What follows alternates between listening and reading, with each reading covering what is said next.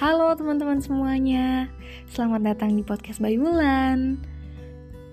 Rasanya udah lama banget ya Wulan gak bertukar isi kepala dengan teman-teman.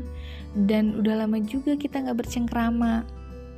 Pertama-tama, Wulan mau bilang makasih banyak buat teman-teman semuanya Yang udah mau dengerin suara Wulan lagi Dan mau dengerin podcast Wulan lagi.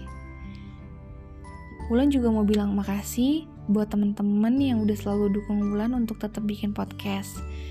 Doain ya, semoga Wulan tetap konsisten untuk bikin podcast. Kali ini, Wulan kepikiran satu topik yang kayaknya udah umum banget teman-teman alamin, termasuk Wulan. Topik itu adalah tentang friend zone. Pasti teman-teman udah pernah ngalamin dong, apalagi yang punya sahabat deket gitu kan. Pastilah. Dan ada pepatah yang bilang dalam suatu hubungan pertemanan antara laki-laki dan perempuan itu pasti ada rasa. Teman-teman setuju nggak? Kalau Wulan sih setuju. Karena pasti sedikit atau banyak mereka menyimpan rasa lebih dari sekedar pertemanan. Nah menurut teman-teman friendzone itu apa sih? Kalau menurut Wulan ya, friendzone itu adalah zona di mana dalam suatu hubungan pertemanan salah satu pihaknya mengharapkan hubungan yang lebih dari sekedar berteman. Betul nggak? Ya intinya ada rasa aja gitu lebih dari berteman. Nah, ketika teman-teman semuanya mengalami friendzone, itu kan sebenarnya kita dihadapkan pada dua pilihan ya. Entah itu kita memilih untuk diungkapkan atau justru kita malah mendem sendiri.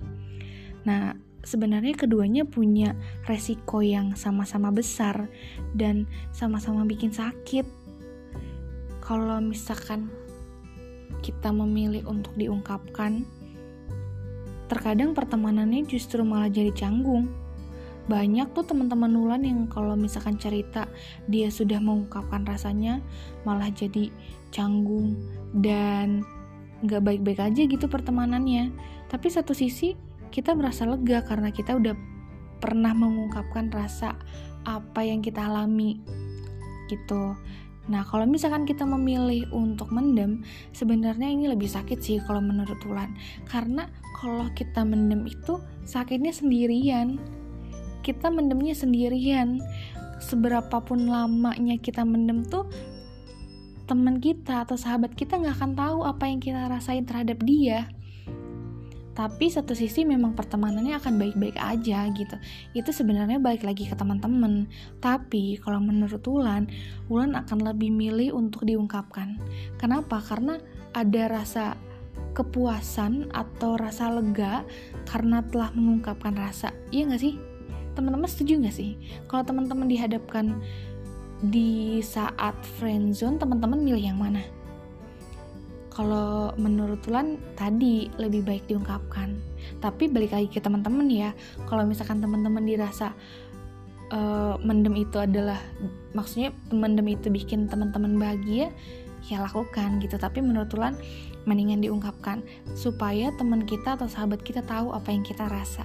Setuju nggak Walaupun hasilnya memang akan canggung, tapi pengalaman Ulan ketika hubungan itu jadi canggung pasti akan baik-baik aja kok ke depannya gitu.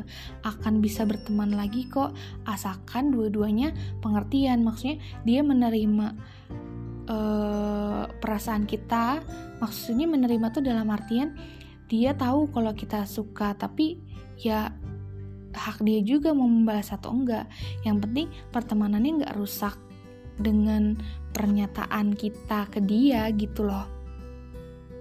Tapi per, Ulan percaya akan baik-baik aja kok kalau setelah kalian ngungkapin percaya deh.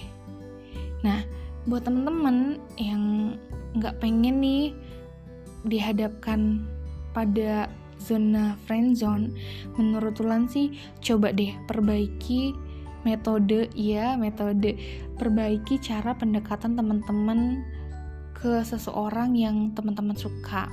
Terkadang ada orang yang mau mendekati orang yang kita suka tuh justru dengan teman curhat. Iya nggak sih? Banyak banget banyak banget dari teman-teman Ulan ya.